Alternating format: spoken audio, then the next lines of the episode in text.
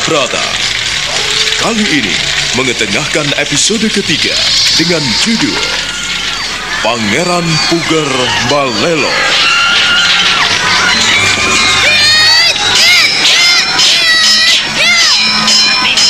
Cerita ini ditulis dan diolah oleh Buan Nergis Muriono. Pengarah cerita dan naskah Agung Bahrodi. Ilustrasi musik Hari Sabar. Teknik dan montase Jamie Mumu. Dengan sutradara Ferry Fadli.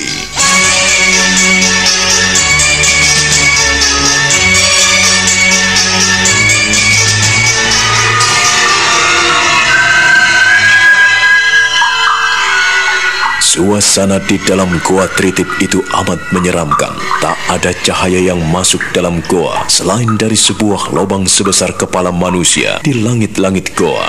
Hanya itulah satu-satunya sumber cahaya yang bisa memasuki ruangan goa itu.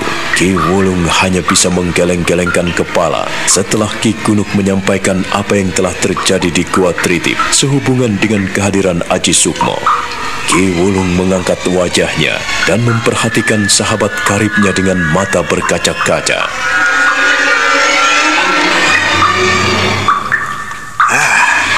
Memang cucumu sering kemari, Wulung. Sejak ia belum bisa melakukan apa-apa, ia sudah ingin datang kemari. Tetapi aku mengusirnya dengan maksud agar ia izin kepadamu. Dan kau telah memberikan semua ilmumu kepadanya. Wah, aku kaget sekali ketika tahu bahwa ia mampu menahan apa yang telah kuserangkan kepadanya. Wah, aku tidak menyangka bocah sekecil itu mampu menahan serangan-seranganku. Aku mengenakan getaran suaraku. Ia juga mampu menahannya. Bahkan lambaran ilmu sapuan badai ada dalam dirinya. Eh, Apakah kau telah mengajarinya sepenuh hatimu, Wulung? Hmm? Bocah sekecil itu sudah kau ajarkan dengan berbagai ilmu, begitu? Ah, maafkan aku, Ki Kuno.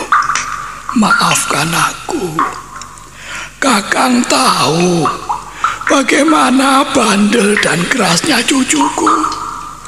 Ia menuntut dan selalu menuntut. Bahkan aku tak mampu melakukan apa-apa ketika ia mengajakku berkelahi. Oh, ia menjajal semua kemampuanku. Dan anehnya, tak satu pun pukulanku dapat bersandar dalam tubuhnya. Aku ingin mencobanya menampar atau menendang. Tetapi ia bisa berkelit, berkelit dan terus berkelit. Ah, apa yang kau alami ternyata aku alami juga Wulung hmm? Cucumu memang memiliki kemampuan yang luar biasa. Ya di sini pun aku tidak pernah memberikan apa-apa. Ku biarkan ia mencuri ilmu-ilmuku dengan mempelajari sikapku yang tetap duduk bersila di sini. Aku tidak pernah mengajarkan sesuatu. Ia selalu datang, datang dan datang kemari. Tetapi aku tidak mengizinkannya belajar silat di sini. Oh, jadi Kakang Gunuk tidak mengajari cucuku ilmu gaib.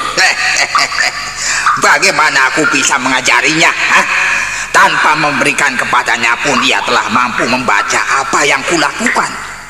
Aku sendiri heran pada anak itu. Ia bandel sekali. Hah? Cucuku sangat bandel, tetapi bocah itu lebih bandel lagi. Apa yang dilakukannya sungguh menakjubkan. Sehingga aku pun berani menjanjikan kepadanya bahwa ia boleh datang kemari apabila ia sudah ada izin kepadamu.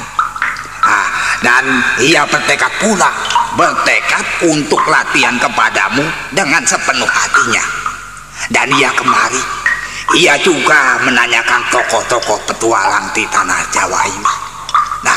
Ia menundukkan segala sesuatu yang ia dapatkan. Ia membawa kemari berbagai macam pusaka yang ia peroleh dari tempat-tempat yang wingit. Oh, Kakang Gunung, hmm? apakah saat ini kau masih menyimpan pedang kangkam kembaran?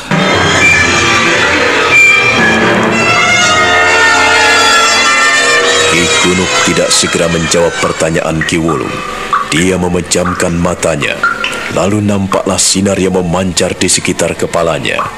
Dia memandang Ki Wulung dengan tatapan mata dingin. Sorot matanya amat tajam, bagaikan memiliki nyala api yang berkobar. Tetapi sinar itu penuh dengan kuasa untuk mempengaruhi sahabat karibnya.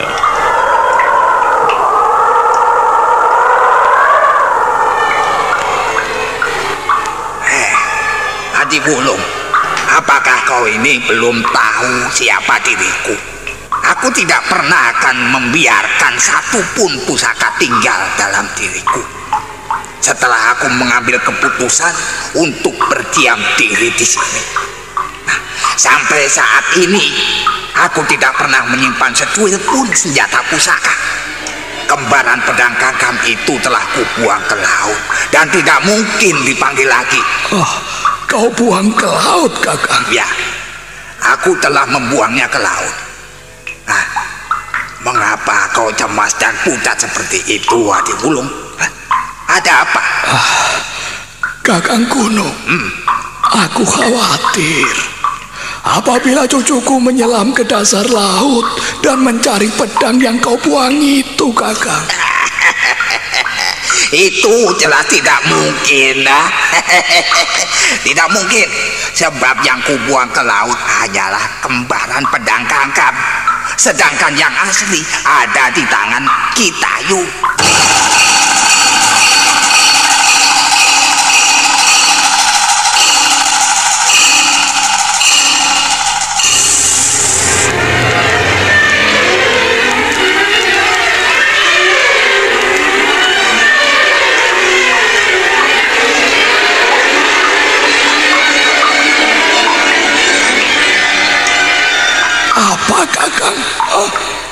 pedang kangkam yang asli ada di tangan kita yuk. Ya, benar, benar. Pedang kangkam yang asli saat ini sedang dipinjam oleh kita yuk. Dialah yang membawa pusaka itu. Aku juga tidak tahu dari mana ia memperoleh pedang itu. Kalau begitu, dialah yang mencuri pusakaku. Huh? Dialah yang mencuri milikku. Eh, eh, eh, eh, jangan sembarang menuduh hati wulung. Kau tidak boleh mengotori mulutmu dengan kenajisan. Jangan mengumbar amarah di dalam pikirmu. Kita itu orangnya baik. Ia tidak akan pernah mencuri. Ah, tetapi pedang milikku pun ternyata diambil orang dan diganti dengan senjata palsu, Kakang. Eh, eh, eh, coba sekali lagi kau katakan kepadaku apa tadi? Apa? Pusakamu hilang.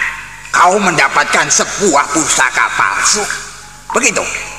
Eh, tunggu, tunggu. Apa kau yakin, Adi Ulung? Apakah kau percaya bahwa pusaka yang kau miliki itu sejak pertama memang asli? Coba, sadarkah kau akan hal ini? Jangan sembarangan menuduh sesamamu. Ah, itu fitnah namanya. Ah, kau tahu, fitnah itu lebih kejam daripada pembunuhan. Hmm? Gara-gara fitnah, maka dunia ini menjadi bencana. Dan aku tidak ingin melihat bencana itu timbul di antara kita. Di antara orang-orang yang pernah bersahabat. Ah, sudah, sudah. Percayalah, bahwa Kitayu tidak mencuri pusakamu. Bagaimana ia tidak mencuri? Aku menerima pedang kangkam dari kembang Joyokusumo. Artinya pusaka itu adalah asli. Dan sekarang Kitayu yang memegang pusaka itu. Artinya dialah yang menggantikan pusakaku dengan pusaka yang tidak asli. Ia membuat tiruannya lalu menukarnya. Karena aku tidak pernah memanfaatkan pusaka itu. Eh, bolong. Eh, bolong. Sekali lagi ku katakan kepadamu, ya. Janganlah kau menuduh sesamamu. Jangan. Sekali-kali jangan. Syakwa sangka, fitnah, dan tuduhan itu adalah sumber malapetaka yang ada dalam hidup manusia. Hah, kau harus memahami hal itu dulu. Tetapi kakang, aku sungguh tidak bisa menerima Aku tidak akan memaafkan apabila dia benar-benar mencuri pusakaku. Aku malu di depan cucuku, Kakang. Malu? Hmm? Kau malu? Ya, Malu pada siapa, Wulung? Malu tentang apa? Hah? Tidak ada yang pernah mempermalukan hidup kita apabila kita tidak pernah mempermalukan diri sendiri. Kau jangan ngomong sembarangan mulu. Kita ini sama-sama pernah malang melintang di rimba persilatan. Hah? Jadi hati-hati jika kau berbicara. aku malu pada cucuku, Kakang. Kakang kuno tahu sendiri bagaimana sifat dan watak dari cucuku. Haji Sukmo itu bukan sembarangan anak. Ia selalu ingin tahu apa yang ingin dilakukannya. Dan ia selalu ingin mencoba setiap ada masalah-masalah baru. Ya, itulah kelebihannya. Dan aku telah menyerahkan pusakaku kepadanya. Lalu ia ingin membuktikannya. Nah, ketika ia memegang pedang kangkang palsu. Oh, aku malu kakang. Pedang itu berantakan. Ki Gunuk kembali memperhatikan sahabat karibnya dengan hati berdebar-debar. Dia tahu kegetiran dan keperihan hati Ki Wulung yang merasa tertipu dan merasa telah dikhianati oleh sahabatnya. Tetapi Ki Gunuk mencoba untuk meluruskan duduk permasalahan yang sedang dihadapi oleh Ki. Wulung,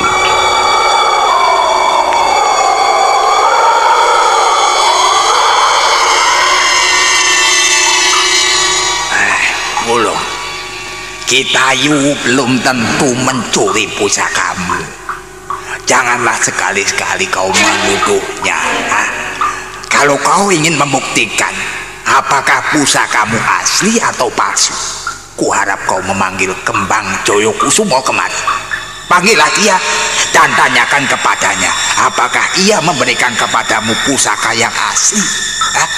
Kalau tidak, janganlah sekali-kali kau menuduh dan memfitnah. Nah, sekali kau melontarkan tuduhan dan fitnahan, akhirnya kau sendiri yang akan celaka. Sebab orang-orang di sekitarmu akan menjadi musuhmu dan kau akan tersudut dan tidak mempunyai kawan lagi. Nah, setelah kau tidak mempunyai kawan lagi, lalu apa yang bisa kau lakukan, Belum? Apa coba? Ya, baiklah kakang gunung.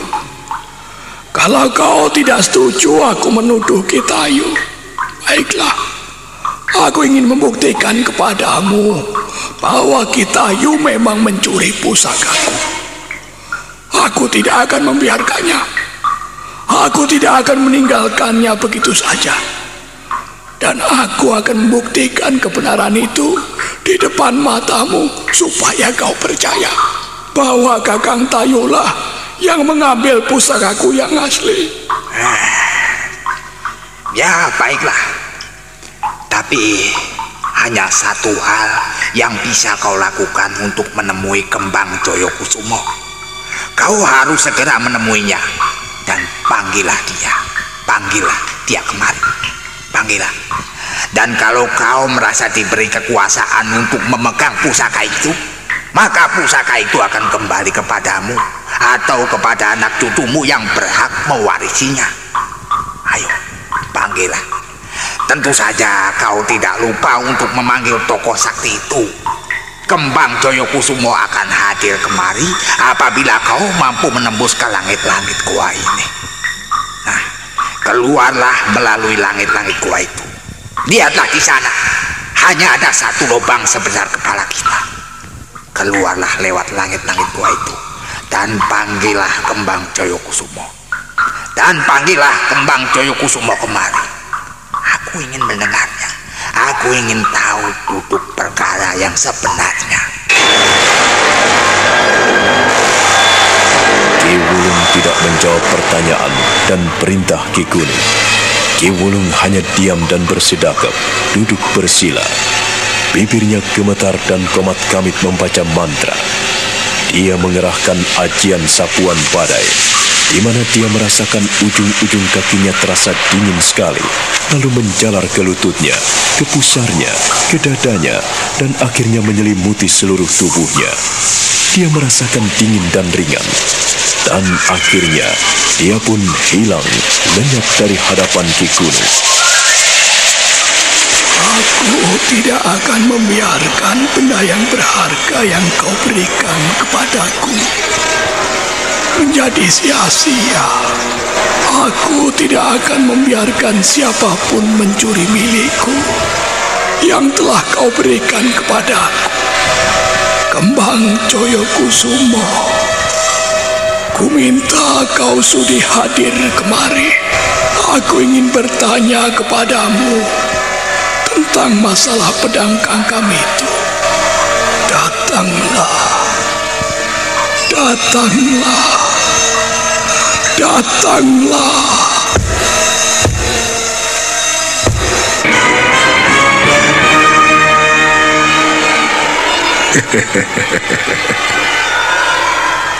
Mengapa kau memanggilku Wulung? Mengapa? Adakah yang dapat kubantu? Ki Ageng Kembang Joyo Kusumo, aku mohon kejelasan kepadamu. Sewaktu aku kecil, aku telah menerima pusaka pedang kangkam dari tanganmu. Dan pusaka itu kusimpan dengan baik. Kupelihara sebaik-baiknya agar jangan sampai orang lain memanfaatkan untuk kejahatan. Dan setelah tiba waktunya, aku punya wiji pinile, memiliki keturunan yang baik. Aku pun rela menyerahkan pusakamu itu kepadanya. Akan tetapi, aku malu sekali sebab pusaka itu ternyata palsu. Kau telah tertipu, Wulung. Apa yang kau lakukan itu ternyata kebodohan. Siapa pun yang telah menerima pusaka pedang kangkam, ia harus memanfaatkan dan menggunakannya sebaik-baiknya. Tetapi kau telah mengabaikan benda yang berharga itu. Sehingga kau jangan sakit hati apabila ada orang yang menghendakinya dan memanfaatkannya. Kau jangan sakit hati, Wulung. Oh, apa Ki Ageng? Oh, jadi benar, pusaka yang kuterima itu palsu Ki Ageng. Aku tidak akan pernah memberikan sesuatu yang palsu kepada orang. Lebih-lebih orang yang jujur seperti kau. Akan tetapi, karena kau tidak memanfaatkan pusaka itu, maka ada orang lain yang memanfaatkannya. Ada seseorang yang memanggil pusaka. Oh, Ki Ageng Kembang Joyo Kusumo. Ki Kembang Joyo Kusumo. Benarkah yang ku dengar? Aku tak salah mendengar kata-katamu. Tidak ada satupun yang salah yang kau dengar dan kau rasakan. Ya. Memang begitulah. Pusaka Kiai Pedang Kangkam itu telah ada di tangan kita ini. Ia telah menyimpannya sebaik-baiknya dan memanfaatkannya untuk pergi ke medan laga. Kalau pedang kangkam yang asli itu tetap ada di tanganmu, maka ia tidak akan pernah berguna karena kau sehari-hari memegang wayang kulit dan mengukur-ukur tanah untuk kau jadikan taman. Maafkan aku. Maafkan aku Ki Ageng Kembang Joyo Kusumo. Aku aku telah melakukan kesalahan yang besar. Maafkan aku. Ampuni aku Ki Ageng. Tidak ada yang dimaafkan. Tidak ada yang perlu diampuni. Sebab di antara kita tidak ada yang salah. Kau melakukan apa yang baik, dan Tayu pun melakukan apa yang baik. Untuk itu, kau harus ikhlas. Kau harus rela suatu ketika dari anak cucumu akan memegang pusaka itu. Di dalam gua tritip itu, Ki Kunuk yakin pada pendiriannya bahwa dialah yang benar. Ki Wulung maskul hatinya. Dengan kehadiran kembang Joyokusumo yang menjelaskan pedang kangkam itu, dia semakin perih. Dia hanya bisa meratap dan menghempas-hempaskan kepalanya di tanah. Kembali dia bersujud, lalu meluncur menuju ke dalam gua tritip, di mana Ki Kunuk masih duduk bersila dalam pertapaannya. Bulung, mengapa kau bersedih? Tidak ada yang perlu kau sesalkan. Tidak ada yang perlu kau cemaskan. Ya, memang begitulah apa yang terjadi di dalam kehidupan ini. Kadang-kadang kita tidak mengetahui mana yang asli dan mana yang palsu. Lah kalau memang milikmu itu telah pergi dari tanganmu dan hilang dari genggamanmu, ya kau tidak bisa menyesalinya. Semua itu kan sudah memiliki makna yang berarti dalam hidup ini. Pedang kangkam yang asli saat ini berada di tangan Adi Tayu. Apakah kau mengerti, Wulung? Oh, maafkan kekerasan hati saya, Kakang Kuno. Aku benar-benar tidak mengerti apabila semuanya bisa terjadi seperti ini. Pusaka itu benar-benar asli. Ya, Kiai pedang kangkam yang ada di tanganku pada waktu itu ku terima dari Ki Ageng Kembang Coyo Kusumo. Lalu, ah, Adit Tayu ternyata mengambilnya. Ya, dia yang mengambil pusaka itu. Oh, mengapa ia mempermalukan aku di depan cucuku? Eh, tidak ada yang mempermalukan dirimu, Wulung. Oh, Kehidupanmu lain dengan apa yang dialami oleh Tayu. Kalau Tayu menjalankan tugasnya sebagai seorang pendekar sejati yang menumpas para pemberontak dan penjahat negara, maka kau mengabdi di dalam dunia seni. Kau sebagai dalang dan juru taman di Mataram. Ah, terimalah itu. Untuk apa kau menyimpan pusaka asli apabila tidak kau manfaatkan dengan baik? Ya toh, ya toh. Kau pun seharusnya lebih berbahagia karena ada yang memanfaatkan pusaka itu. Dan sekarang kau tidak boleh marah. Redamlah segala amarahmu. Marah dengan sahabat kita tidak ada gunanya. Marah pada saudara kita Ya sama halnya dengan menyingkirkan kebaikan-kebaikan yang telah berjalan selama ini. Hmm? Percayalah muluk.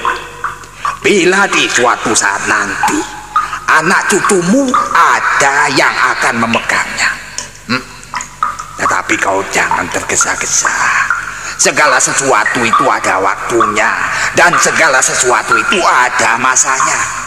Apabila kita sabar terhadap segala sesuatu dan percaya pada segala sesuatu, maka kita akan mendapatkan yang terbaik dalam hidup kita.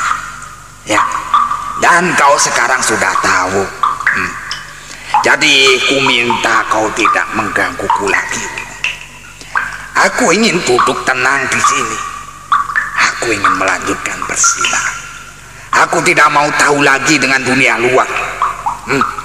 Pergilah dan tinggalkan aku sendiri. Kakang Kuno, maafkan aku. Sekali lagi, aku minta maaf. Dan apabila cucuku kemari, aku titip dia. Didiklah Haji Sukmo menjadi seorang yang berarti. Seorang yang berguna bagi sesamanya, Kakang.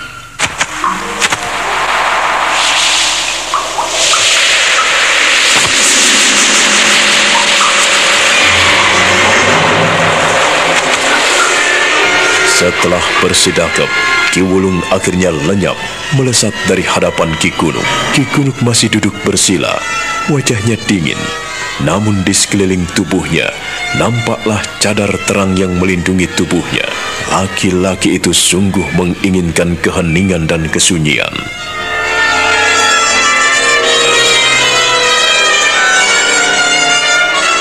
Sementara itu, Nini Warih yang tinggal di Karanganyar bersama orang tuanya, kini pergi ke Prigi.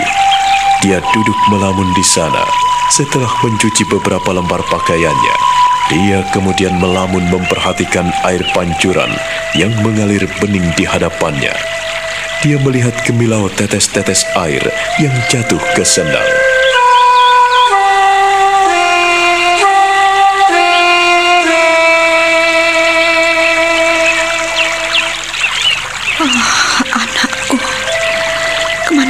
Selama ini pergi?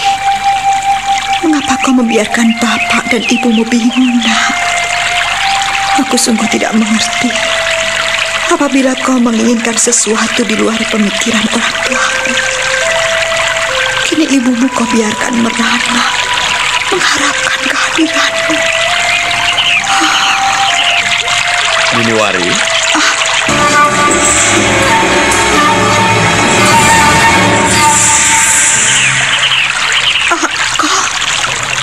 Cokro, kau membuat aku kaget saja. Seandainya kau tidak melamun, tentu saja kau tidak akan kaget, Nini. Mengapa kau ada di sini, kalau Cokro? Apa maumu? Um... Kau membuntuti aku? Uh, aku tidak membuntutimu, Nini Wari. Tetapi orang seperti Kolo Cokro akan berada di mana pun ia suka. Ia tidak akan pernah mengganggu orang lain. Tetapi ia menuruti akal budinya ia menuruti apa yang diinginkannya. Ia hanya menuruti langkah-langkah kakinya dan perjalanan hatinya yang ingin mengembara ke tempat yang jauh. Kau tahu itu Niniwari? Aku tidak suka kau buntuti. Tolong jangan ganggu aku. Aku tidak mengganggumu Niniwari. Tetapi aku bermaksud untuk menolongmu. Aku tahu setelah beberapa lama kau tinggal di Karanganyar ini, kau belum bisa menemukan anakmu. Bagaimana seandainya aku membantumu mencari Aji Sukmo? Hmm? Bagaimana? Kau akan membantuku mencari Aji Sukmo anakku? Hmm? Aku akan membantumu. Aku akan mencari anakmu. Bagaimana seandainya kita cari bersama? Aku akan menemanimu. Tapi aku tidak tahu ke mana harus mencari dia. Oh, itu gampang sekali. Sekarang, jemurlah pakaianmu di atas rumput hijau, biar kering.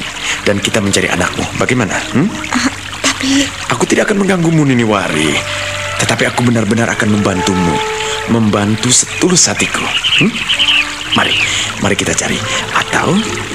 Ayo, aku bantu dulu kau menjemur pakaianmu supaya kalau kau datang nanti, pakaianmu telah kering. Nini Warih buru-buru menjemur pakaiannya di atas rumput dan bebatuan. Kalau Cokro membantunya menjereng dan merentang pakaian basah yang telah dicuci Nini Warih. Tak lama kemudian, semua pakaian yang dicuci Nini Warih itu telah terbentang di atas rerumputan hijau. Bagaimana? Kita telah menjemur pakaian. Kau mau ikut? Aku akan menemanimu mencari anakmu. Aku berjanji. Tapi, kau, kau tidak akan menggangguku? Aku berjanji, Nini. Aku tidak akan mengganggumu, ya? Aku akan membantumu. Percayalah kepadaku. Benarkah? Benarkah kalau Cokro?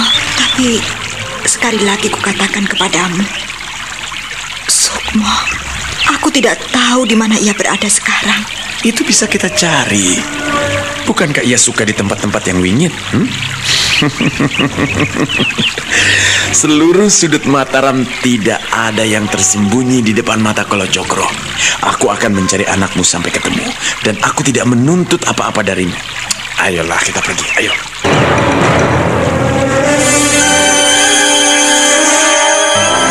Akhirnya Nini Warih mengikuti Kolo Cokro.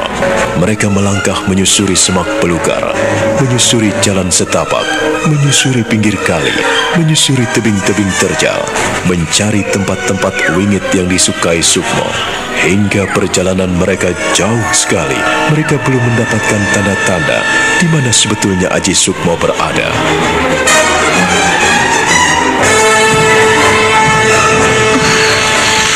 Aku lelah sekali kalau Cokro. Kita istirahat dulu. Hmm? Ah, di sana, di bawah pohon rindang itu. Bagaimana? Kita istirahat di sana? Kakiku sakit sekali. Rasanya aku tidak kuat lagi berjalan. Oh, oh, oh, oh, oh. Ah, bagaimana kalau aku membopongmu? Hmm? Bagaimana? Ti- Tidak. Tidak. Jangan. Katanya kau terlalu lelah dan kakimu sakit sekali. Atau karena kainmu itu yang mengganggu. Kainmu bisa kau angkat sedikit, eh? Bagaimana? Tidak. Kita istirahat di sini. Di sini, tempatnya saja. panas sekali. Di sini panas Wari. Kita tidak mungkin beristirahat di tempat terik matahari. Lebih baik kita berteduh di bawah pohon besar sana.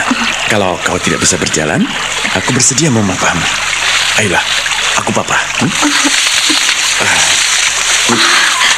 Aduh, Pegang tanganku erat-erat. Ah, kalau aku tidak menahanmu, tentu kau sudah jatuh di tebing sana. Hah? Kau ini, ayo pegang tanganku erat-erat. Biarlah aku membopongmu. Aku akan memondongmu. Hop. Nini Warih tidak bisa menolak tawaran Kolo Cokro. Tubuhnya dipondong dan dibopong oleh Kolo Cokro menuju ke bawah sebuah pohon rindang. Mereka berteduh di bawah pohon itu dari terik matahari yang menyengat. Udara panas sekali, tetapi mereka tertolong dengan angin yang berhembus semilir, mengeringkan keringat mereka. Kolo Cokro memandangi wajah Nini Wari yang penuh dengan keringat. Lalu dia mengusap dengan punggung tangannya, mengusapnya dengan kelembutan dan kasih sayang. Bagaimana? Kakimu sakit sekali? iya. Kita terlalu jauh berjalan kalau Cokro. Kakiku pegal-pegal dan tubuhku terasa lelah sekali. Kau terlalu lama hidup enak di istana Mataram. Kau tidak pernah bekerja keras. Dan sekarang kita melakukan perjalanan yang jauh sekali. Nah, untuk mengurangi rasa pegalmu, bagaimana apabila kakimu cip? Hmm? Eh, ti- tidak usah. Terima kasih kalau Cokro. Kalau kakimu kupijit, nanti rasa pegal dan sakit-sakitnya bisa berkurang. Ayo, kakimu saja. Tanpa menunggu jawaban Nini Wari, Kolo Cokro tangan-tangannya lincah memijiti kaki dan jemari Nini Wari. Nini Wari meringis dan merintih menahan sakit. Pijitan Kolo Cokro itu terasa menyentuh ulu hatinya. Bulu kuduknya merinding dan meremang sekali. Ada desir aneh yang menyusup dalam hatinya. Aduh, eh, sakit kalau Cokro. Jangan terlalu keras. Ah, baiklah, baiklah. Aku akan memijitmu dengan perlahan. Aku akan memijitmu dengan lembut, Niniwari. Kalau Cokro. Jari-jari sekali. Kurasakan betapa hangatnya tekanan-tekanan ujung jari. Kurasakan getaran-getaran aneh menyusup di hatiku. Oh, Cokro. Bagaimana Niniwari? Apakah masih sakit? Iya. Bagaimana seandainya seandainya kupijit pahamu? Hmm?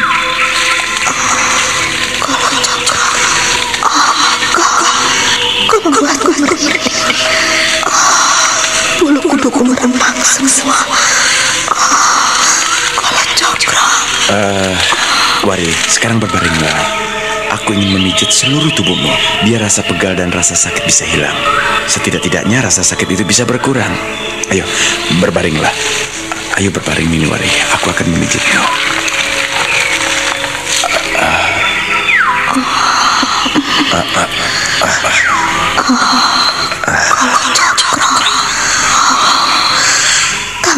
Tangan-tanganmu enak sekali kurasakan. Kalau Cokro. Iya. Teruskan. Teruskan kalau Cokro. Badanku pegal sekali. Dan rasanya pedih sekali. Pejamkanlah matamu dan nikmatilah pijitan-pijitanku agar tubuhmu bebas dari rasa letih. Hmm? Iya.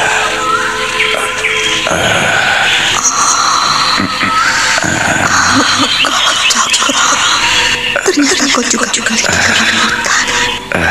Kau memiliki kehalusan.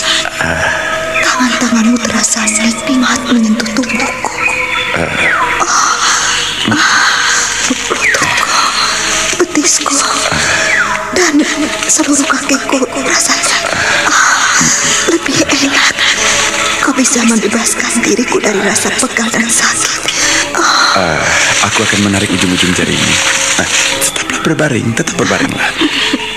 Um, ah, ah, bagaimana? Enak? Tahan ya, tahan. Aduh, Tahan saja, jangan kau rasakan sakitnya. Tetapi rasakan nikmatnya. Hmm? mencokol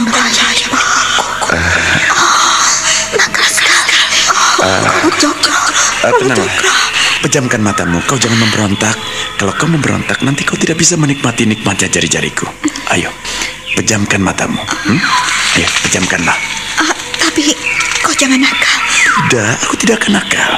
Aku tidak akan nakal padamu, Niniwari. Tetapi pejamkan matamu. Biar aku bisa memijit tanganmu, memijit punggungmu, dan memijit tengkukmu. Hmm? Ayo, tenanglah. Rasakan. Kalau ku pijit pahamu sini, sakit tidak? Ah, i- iya, jangan terlalu keras kalau cokro. Ah, tidak. Pejamkanlah matamu. Iya. Kalau cokro. Nah, bagaimana kisah selanjutnya? Saudara pendengar, silakan menunggu seri berikutnya dalam serial Wahyu Astabrata ini. Sampai jumpa.